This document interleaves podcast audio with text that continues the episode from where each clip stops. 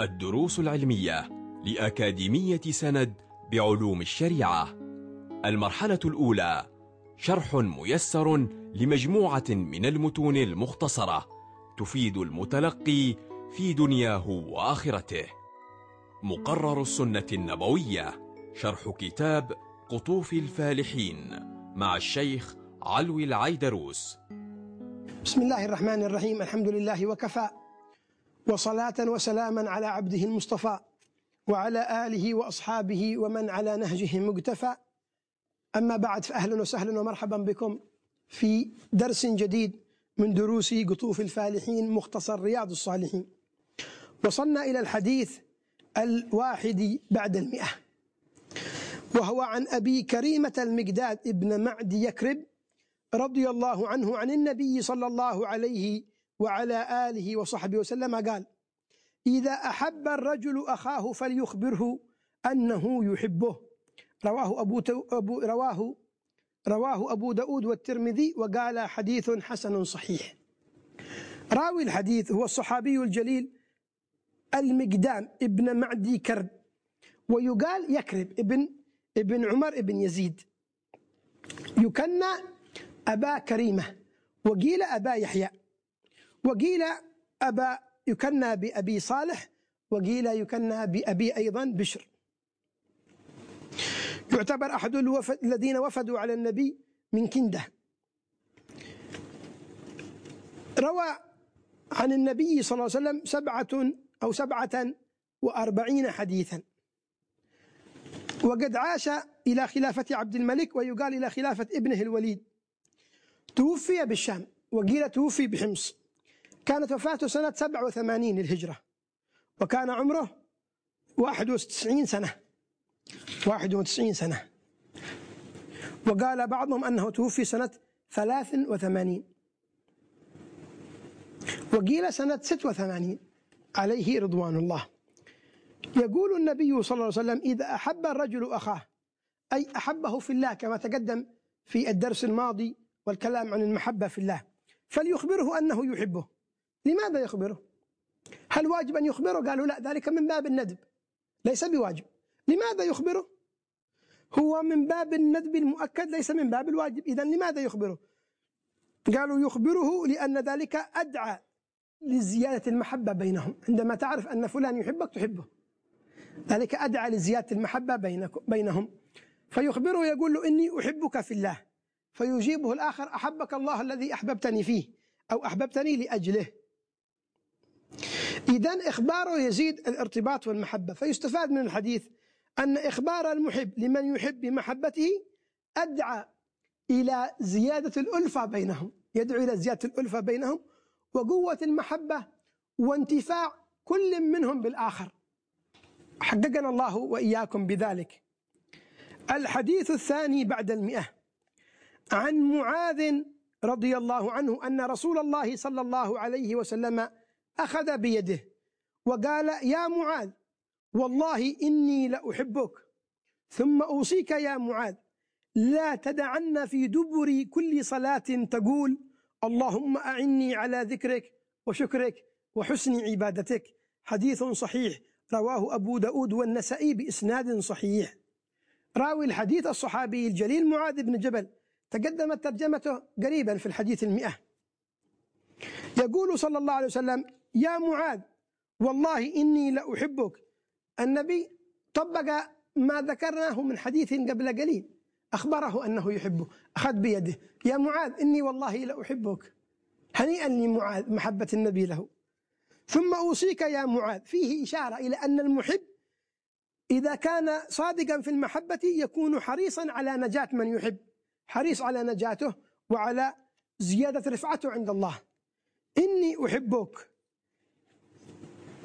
هذه المحبة جعلته يوصيه. ثم أوصيك يا معاذ لا تدعن أي لا تتركن في دبر أي عقب عقب كل صلاة صلاة مكتوبة. تقول اللهم أعني على ذكرك أعني على ذكرك الشامل للقرآن وسائر الأذكار وليس فقط مجرد الذكر. القرآن كذلك يدخل في الذكر إنا نحن نزلنا الذكر وإنا له لحافظون. مثل ذلك أيضا طاعة اللسان تدخل في الذكر. وشكرك أي شكر نعمتك الظاهرة والباطنة سواء كانت الدينية أو الدنيوية لأن الإنسان لا يمكن أن يحصيها. والشكر هو صرف العبد جميع ما أنعم الله عليه به فيما خلق لأجله. هذا يسمى شكر. وحسن عبادتك أي إتقان العبادة على الوجه المرضي لك والوجه المرضي عندك. ويكون ذلك بالقيام بشرائط العبادة وأركانها واجتناب مبطلاتها وتكلف الحضور فيها والخضوع والخشوع والسنن الإتيان بها وغير ذلك. فيستفاد من الحديث كرم النبي صلى الله عليه وسلم إذ قابل محبة معاذ له بمحبته ووصيته. معاذ يحب النبي فأحبه النبي. قابله بذلك وزاد في الوصية. أن المحب يكون حريصا أو يحرص على إفادة من يحب. كما يحرص كذلك على سلامته في الدارين من جميع الآفات الظاهرة والباطنة. يستفاد أن المؤمن لا يستغني عن طلب الإعانة من الله في جميع أموره الدينية والدنيوية.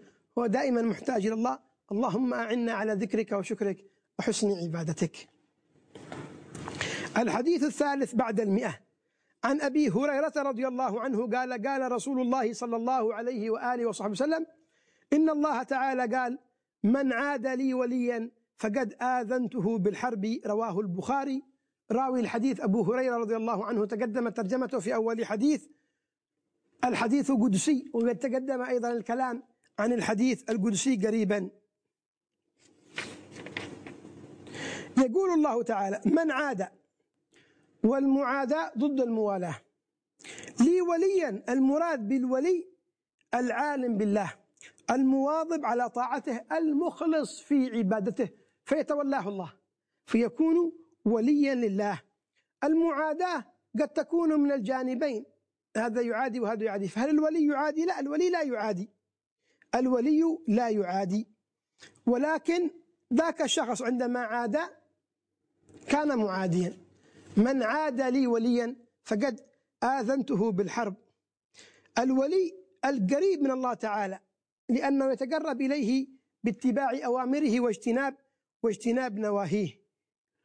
فلهذا من عاد هذا الولي قال فقد آذنته بالحرب. المعاداة لا تنحصر في الخصومة فقط ولا في المعاملة الدنيوية بل قد تقع عن بغض ينشأ عن التعصب. هذا أيضا معاداة ينشأ عن بغض آه، أو تقع عن بغض ينشأ عن التعصب والعياذ بالله كالرافضي الذي يبغض سيدنا أبي بكر وغير ذلك مما يقع فيه كثير من الناس. قال فقد آذنته. أي أعلمته لأن الإيذان الإعلام. فقد أعلمته وآذنته بالحرب أي بأني محارب له فأعامله معاملة المحارب. من التجلي عليه بمظاهر الجلال بمظاهر الجلال والعدل والانتقام. لماذا؟ لأنه قد استحل محاربتي فقد عاد وليا من أوليائي. من عاد لي وليا فقد آذنته بالحرب. ومن آذنه الله بالحرب يعيش عيشة نكدة ويموت والعياذ بالله على سوء الخاتمة. فيستفاد من الحديث أن الله سبحانه وتعالى قدم الإعذار على الإنذار إلى كل من عاد وليا أنه قد آذنه بأنه محاربه بنفسه. بنفسه. وبنفس المعاداة. أنت تعادي ولي أنا أعاديك. وأحاربك كذلك يستفاد لا يدخل في ذلك ما تقتضيه الأحوال في بعض المرات من النزاع بين وليين لله تعالى في محاكمة. قد يتنازع وليين لله في أمر في قضية هذا لا يدخل فيه. أو خصومة راجعة لاستخراج حق غامض. هذا يدعيه وهذا يدعيه هذا يظن أنه له. وهذا يظن أنه له هذا ما يدخل في ضمن ذلك. كما أن من عاد وليا حاربه الله فإن من والى وليا والاه الله أكرمه الله. كما أنه من عاد وليا عاداه الله من أكرم وليا أكرمه الله. جعلنا الله وإياكم من أهل المحبة لأوليائه. الحديث الرابع بعد المئة. عن ابن مسعود رضي الله عنه قال قال رسول الله صلى الله عليه وسلم يؤتى بجهنم يومئذ لها سبعون ألف زمام. مع كل زمام سبعون ألف ملك يجرونها. رواه مسلم. راوي الحديث أبو هريرة رضي الله عنه. راوي الحديث عبد الله بن مسعود رضي الله عنه. وقد تقدمت ترجمته في الحديث التاسع. يقول صلى الله عليه وسلم يؤتى بجهنم يومئذ. أي يوم القيامة. يؤتى بجهنم يومئذ أي يوم القيامة؟ واختلفوا في اسم جهنم. هل هو اسم عربي أو أعجمي معرب؟ أكثرهم على أنه آه، اسم جهنم عجمي معرب.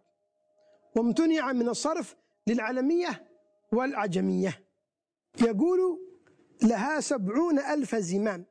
أي لجهنم سبعون ألف زمام. الزمام لغة ما يجعل في أنف البعير يشد عليه المقود. وقال بعضهم ما يشد به رؤوسها من حبل وسير وسير هذا الذي آه، يضعون عليها ليسحبونه. يحتمل أن يكون ذلك على حقيقته ويحتمل أن يكون تمثيلا لعظمها وفرط كبرها بحيث أنها تحتاج في الإتيان بها إلى هذه الأزمة.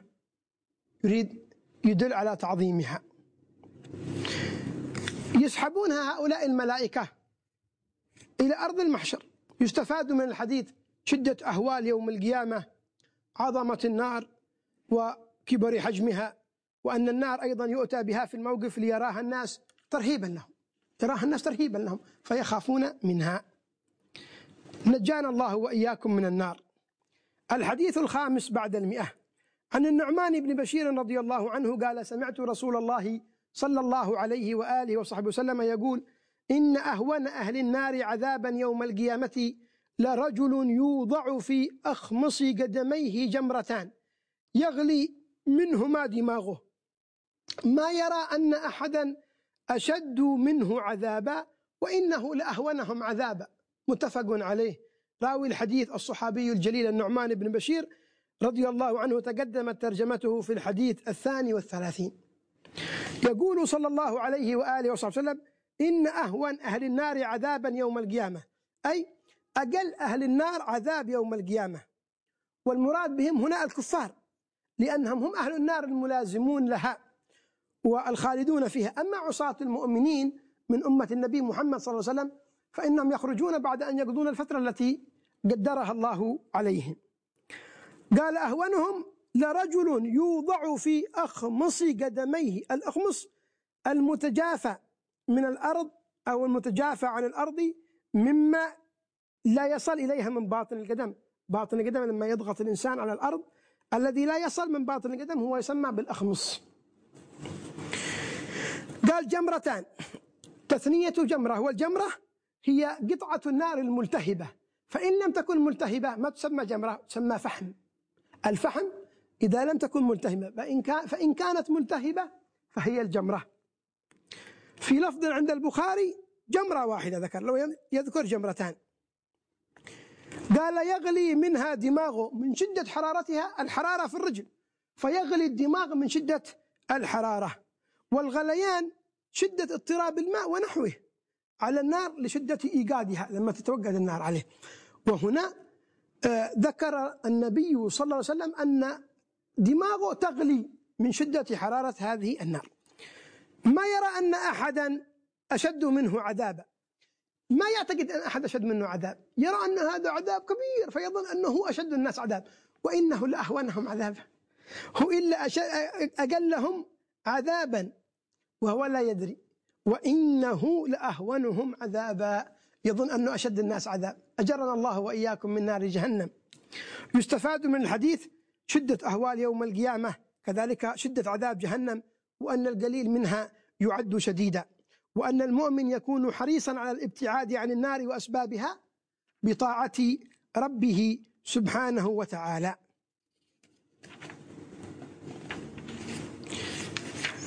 الحديث السادس بعد المئة.